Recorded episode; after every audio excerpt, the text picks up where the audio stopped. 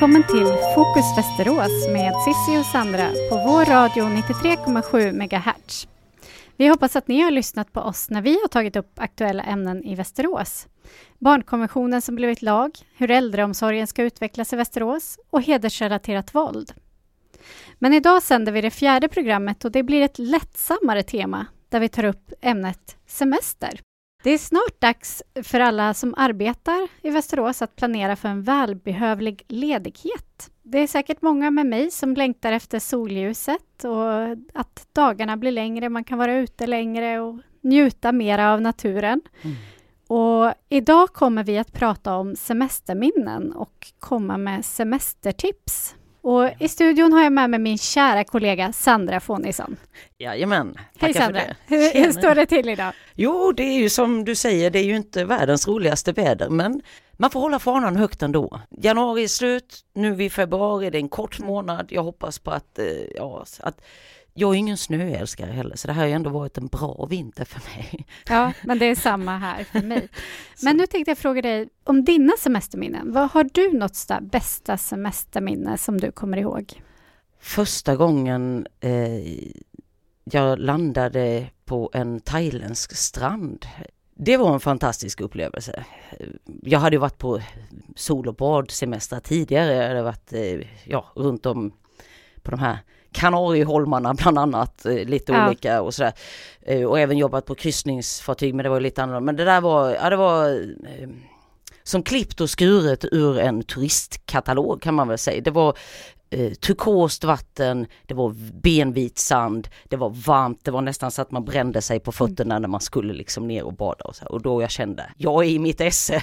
Nu du jag... var i paradiset på jorden helt enkelt. Absolut. För det... ibland kan man ju känna att man kanske blir lite lurad av de här bilderna som visas i de här resekatalogerna, men så var det inte den gången för dig. Just det, den resan då bodde jag i en bungalowhydda som jag hyrde mm. för, tror jag, 50 baht, vilket är typ ingenting. Eller om det var 100 baht, det var sådär 25 kronor eller 20. Ja, per natt då? Ja, och den här bambuhyddan, det var gliper i och det fanns inget eh, tak på toaletten. För den blev liksom inte riktigt färdigställd den här hyddan. Så egentligen så hyrde de inte ut det men eh, Sandra som har en fjärdedels smålänning i sig tyckte att oh 50 baht per natt, det är ju perfekt. Och, och, jag bodde där och det var lite ödlor och det var lite spindlar men det fick man ta och det, ja, det var några apor som satt i något trädet och kastade grejer på mig vid något tillfälle. Men det jag ska komma fram till var att eh, ja, eh, på ett sida eh, så fanns då den här eh, bungalowhyddan där jag bodde och den bungalowbyn. Och på andra sidan, för det var ju då en ja, en sån här liten kustremsa med strand och grejer. Och på andra sidan, där låg det ett lyxhotell. Där jag tror att de som bodde där betalade kanske 10 000 baht per natt. Och då tänker mm. man så här, vi, man ska ju ändå bara sova på rummet eller i sin lilla hydda. Så att det var ju en väldigt stor skillnad och, och sen dagtid så hade vi ju tillgång till samma vatten, samma strand, samma allting. Men de som bodde på lyxhotell, de betalade ju då ja, miljarder gånger mycket mer än vad jag gjorde. Och det kände jag var så här, vilken seger. Sen funderade jag ju mm. på, vad var det de hade i det där hotellet? Var det förgyllda små dvärgar som stod och viftade på folket eller? Kom du tillbaka till den här platsen någon mer gång sedan? Jajamän, det gjorde jag. Mm. Och var det samma boende då? Som ja, det, ja, För 25 kronor per natt? ja. ja. Men eh, det låter ju som en bra semester. Vad, vad gjorde du mer där när du var på plats? Eller var det mycket, det var mest sol och bad eller? ja, gällde? det är ju det jag eh, tycker väldigt mycket om. Jag måste säga att första gången jag var i Thailand så var det lite utav en kulturchock. Uh, det är väldigt mycket folk och mm. ja, man åker kanske inte tåg på samma sätt som eh, man gör här i Sverige. Många gnäller på SJ men den enda tågresa jag har gjort i, i Thailand den var lite speciell för då åkte vi från Bangkok och så ner till något ställe och så skulle vi ut i den här ön eh, Koh Tao. Och i alla fall, och det ska jag aldrig göra om, jag ska aldrig mer åka tåg. Men eh, för någonstans mitt på där så stannade tåget och man kan ju inte språket såklart och Nej. Men vi var i närhet, vi hängde oss ut genom fönstret och kollade och det var, jag vet inte, 10-15 thailändska män som stod med så här buntband, inte buntband utan så här balband, sånt som man mm. knyter halmbalar med. Och, och någon hade en jättestor jävla skiftnyckel och sen in under tåget där och jag vet inte riktigt vad de gjorde. Sen rasslade vi iväg efter ett tag. Man okay. bara okej, okay, vi knöt ihop det med buntband, eller vad säger jag, valband. Ja, jag det vi kanske kom... inte kändes världstryggt så att säga. Nej, och det var lite så här, folk reste på taket och det hängde någon utanför och lite sådär. Ja, det, det är lite annorlunda än Mycket annorlunda. hur eh, säkerheten ska vara i Sverige. Ja, verkligen. Men, Men eh, eh, det är ju det som är det häftiga med att åka till ja. någon annanstans, att man får den här kulturkrocken. Och sen var ju maten fantastisk, vädret fantastiskt, folket fantastiskt. Och När jag har åkt till städer, då är jag sån som kan gå och titta på ja, men kyrkor eller gå in på ett museum eller titta på mm. ja, de olika sevärdheter. Men just när jag är på sol och badsemester, då gillar jag nog mest att mm. kolla in läget på stranden ja. och eh, ja, närområdet. Men föredrar du semestra utomlands eller på hemmaplan? Ja, Sverige är ju fantastiskt vackert på sommaren och i många år har jag varit vikarie och jobbat under sommarna. Om jag ska överge landet någon gång så är det ju helst eh, mellan november till mars egentligen. Eller februari kanske. Ja. Det är mina värsta månader. November, december, januari, februari. De, då, då mm. kan det sticka in fint med ett par veckors sol eller sådär. Har du, har du något semesterminne då som har varit mindre lyckat? ja, jag gick första in på gymnasiet. Eh, jag och min kompis Therese hängde med min mamma och hennes dåvarande på eh, husvagnssemester till västkusten. Och det var jättetrevligt. Nu kom, Mellbystrand var vi, Mellbystrand, mm. jättevackert. Vilken, ja, vilken strand och vilket ställe. Underbart och eh, tonåring som man var så ville man ju inte hänga med morsan och hennes kar utan när vi kom ner på den här kilometerlånga stranden, jag vet, eller hur lång den nu är, så gick de åt vänster och jag och Therese vi sa vi går åt höger. Och vi ordnade med våra grejer och fram med solgrejer och sådär. Och så satt vi då och snackade och helt plötsligt när, så säger Therese, du tittar det sitter en naken man där borta. Jag bara, va? Nej, klart det inte gör. Så tittar vi, jo, och sen bara en till och, en, och där är en naken kvinna. Vad är det frågan om? Mm. Och sen så inser vi ju då att det var ju en nakenstrand det här. Kampade ni då på den nej, där utan, Nej, det gjorde nej. vi ju inte. Utan, men vi var liksom i närheten. Det vi hade missat då som lite vad ska vi säga, disträ ungdomar var ju att mm. det stod ju stora, stora skyltar. Nudiststrand höger, allmän strand vänster. Men det hade inte vi lagt märke till utan vi bara, går de dit så går vi hit. Så ja. att, eh, ja, vi...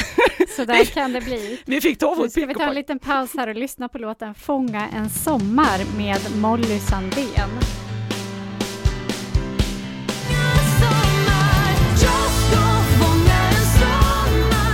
Ja, det där var alltså låten Fånga en sommar med Molly Sandén. Jag tänkte höra lite grann med dig Sandra, vi skulle prata om det här med att semestra på hemmaplan. Mm. Eh, och eh, jag tänkte fråga, vilket är ditt bästa tips på hemmaplan? Om man inte ska åka utomlands och då förhoppningsvis sommaren håller i sig och det inte regnar bort, då vill jag slå ett slag för alla de fantastiska stränder som vi har och mm. badplatser som vi har här i Västerås. Löga Beach eller Löga strand är ju riktigt fint, bra, härligt område tycker jag. Det gjorde de i ordning för några år mm, sedan med precis. riktigt snygg brygga och badvänligt är och en liten eh, flotte. Jag brukar ju inte bada i, i hav som inte är minst 26 grader. Men jag badade faktiskt i somras och simmade ut till den där. Och det var kul. Och så har de ju mm. sandstrand och sånt också. Sen har vi Björnön, annat jättefint friluftsområde och de har hundbad ute på den ön och så mm. Tror jag är lite traditionell där. Jag, jag är lite uppvuxen på Björnestranderna kan man mm. väl säga. Och det, det var ju väldigt trångt då när jag växte upp där. Ja. Eh, man fick liksom ligga nästan inpå eh, de andras filtar, så att säga. men men den känslan upplever jag lite grann med Lögastrand också nu, att det är väldigt trångt. Nej, I alla fall när jag har varit där. Ja. Men eh, det är väl det som är grejen att får man en sommar så som 2018 då när vi var uppe på nästan 40 grader i fyra månader. Då, mm. för då vet jag att då hade man ju trafikkaos uppe på Björnön och det var ju trafikkaos överallt. Bilar stod framåt, ja, som de inte skulle. Och, ja, det låg människor på varenda centimeter men Ja, och det är klart när det är så att säga industrisemester mellan vecka vadå, 28 till 32, då lär det ja. väl vara packat men det är väl så det ser ut om det är en solig dag. Här i Västerås har vi mm. ju bara ett stenkast utanför centrala Västerås ligger ju Tidö slott då. Mm. Och där brukar det vara guidade turer. Jag gick på en guidad tur där i somras faktiskt. Och det mm. är ju, även om man har varit där tidigare, så något tidigare år, så har man ju glömt och det är spännande på nytt att uh, få komma in i slottet och få, få visning och få lära sig lite om Sveriges historia. Det här är ju ett av Sveriges bäst bevarade och mest levande slott från stormaktstiden. Mm. Och det ska vi väl vara stolta över att vi har sådana pärlor Verkligen. så nära.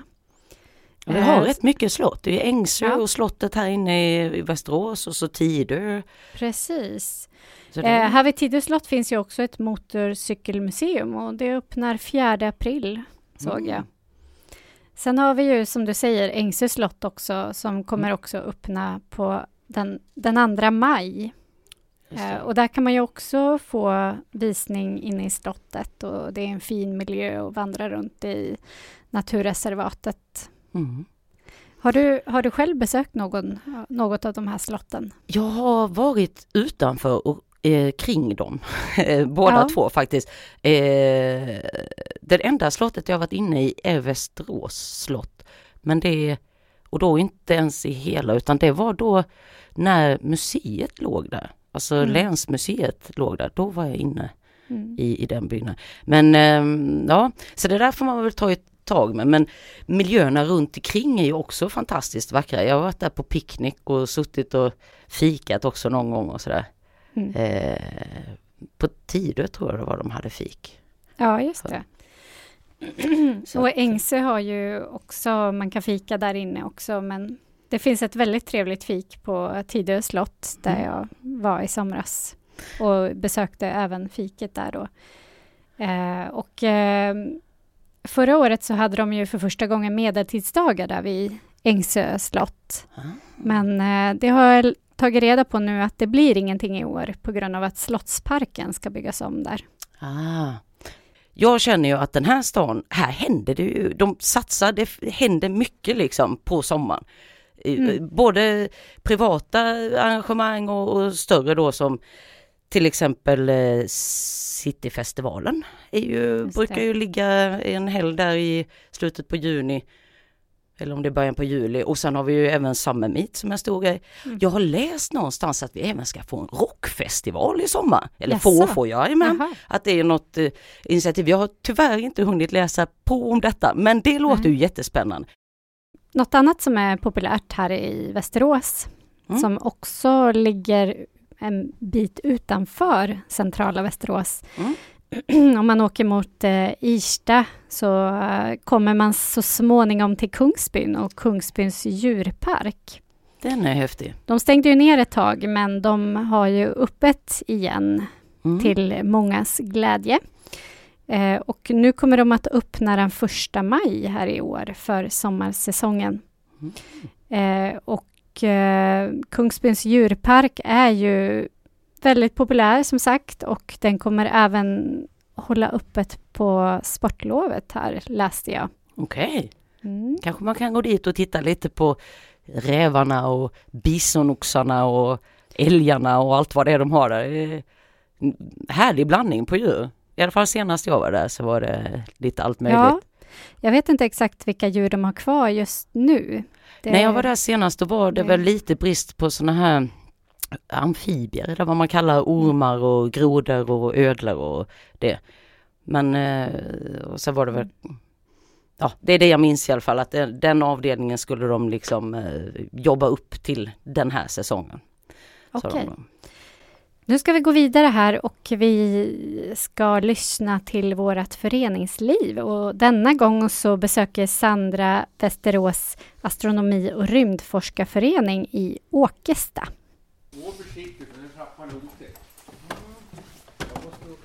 Västerås astronomi och rymdforskningsförening bildades i slutet på 80-talet och har sin klubblokal och två observatorium vid Åkesta gård utanför Skultuna. Föreningen har runt 120 medlemmar och riktar sig till de som är intresserade av astronomi och rymden. En av dem är Hans Thorgren. Vi hör honom berätta om ett forskningsprojekt VARF bedriver tillsammans med Uppsala universitet. Den forskning vi håller på med faktiskt just nu, den handlar om att fånga meteorer. Och det har vi en speciell meteorkamera för. Och där deltar vi i ett forskningsprojekt ihop med Uppsala universitet. Vad ska det utmynna i? För det första så är meteorer väldigt viktiga för forskningen därför att när man får tag i dem och kan undersöka dem kemiskt, då kan vi upptäcka hur de är funtade, därför att de är byggda på exakt den materian som först bildade vårt planetsystem. Och det, då kan vi veta mer hur planetsystemet har bildats en gång i tiden, vårt solsystem alltså. Ni bedriver inte bara forskning utan ni utbildar även skolbarn här i Västmanland. Ungefär tusen skolelever besöker oss varje vinter. Vi tar emot två kvällar i veckan. Med, vi har ett antal guider som är utbildade och lämpliga för uppgiften och entusiastiska.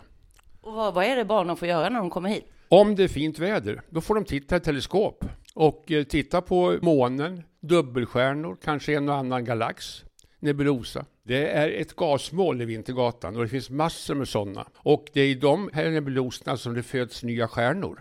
Ett praktexempel är Orionnebulosan som man faktiskt kan se med blotta ögat på vintern om man vet var man ska titta i söder. Och eh, där eh, föds det en av två nya stjärnor varje år. Det är stjärnornas barnkammare. Vi är i början på februari. Hur ser våren ut för er förening här framöver? Ja, klubbträffarna fortsätter varje torsdag klockan sju. Alla är välkomna.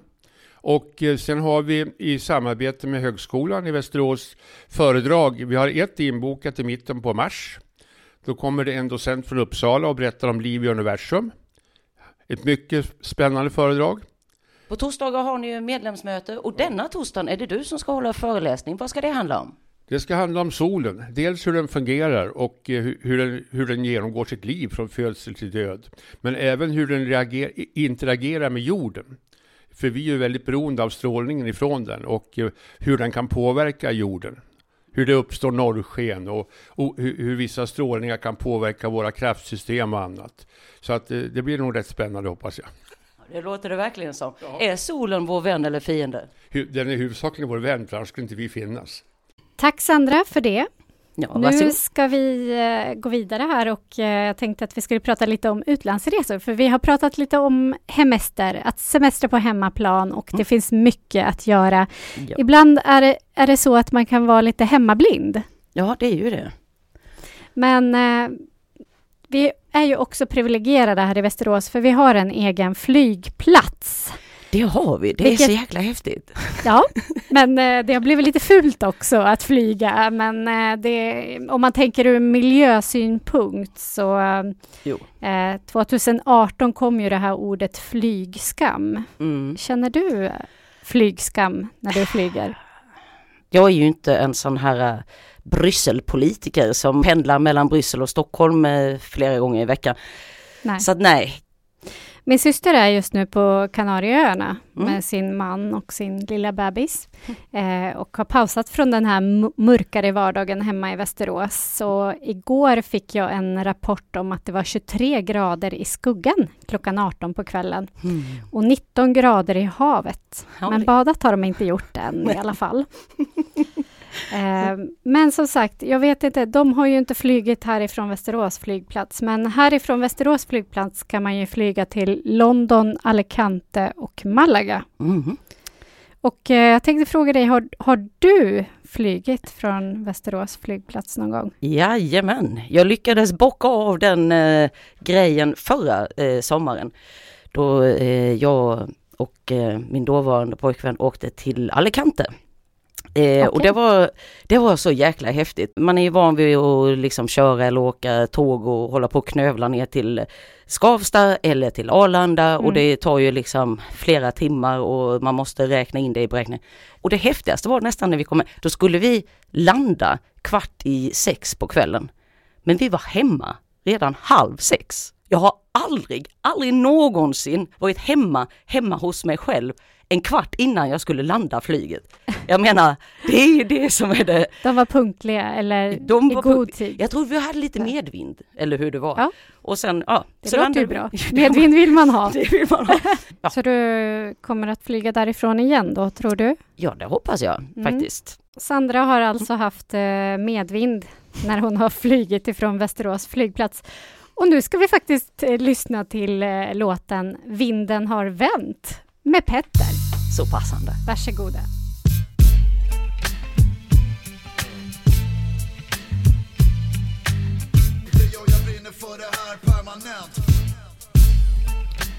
Ja, det var alltså Vinden har vänt med Petter. Och nu har vi kommit till eh, den sista pro programpunkten där vi bjuder på våra egna evenemangstips i veckans Västerås. Bland annat så ska Bra AV ha matvandring där man då får prova fem utav eh, Västerås restauranger under en och samma kväll till ett pris utav 600 kronor. Och hela den anmälningsavgiften går oavkortat till välgörande ändamål. Det tycker jag låter fint. Det låter bra. Ja, verkligen. Och i det här fallet så går det då till Västerås Stadsmission. Tycker jag det låter som ett roligt mm. initiativ att göra på en tisdagkväll. På onsdag så är det den internationella dagen mot kvinnlig könsstympning och det uppmärksammar Västerås FN-förening. De har eh, på stadsbiblioteket eh, i hörsalen där så kommer de att ha föreläsningar och bjuda på fika och ha trevligt umgänge enligt eh, deras eh, annonsering. Mm. Det var allt ja, vad jag hade. Men då får jag tacka så mycket Sandra. Eh, och eh, Repriserna på programmet sänds på måndagar klockan 12 samt klockan 18 men även på onsdag klockan 10.30. Vi finns även på Facebook, Fokus Västerås med Sissi och Sandra. Så gå gärna in och gilla oss där. Det brukar vi uppmuntra till. Mm. Och ett nytt avsnitt hör du nästa måndag. Och sen kan man även lyssna på oss i efterhand på våran podd på Acast. Fokus Västerås med Sissi och Sandra. Tack för den här gången. Tackar, tackar.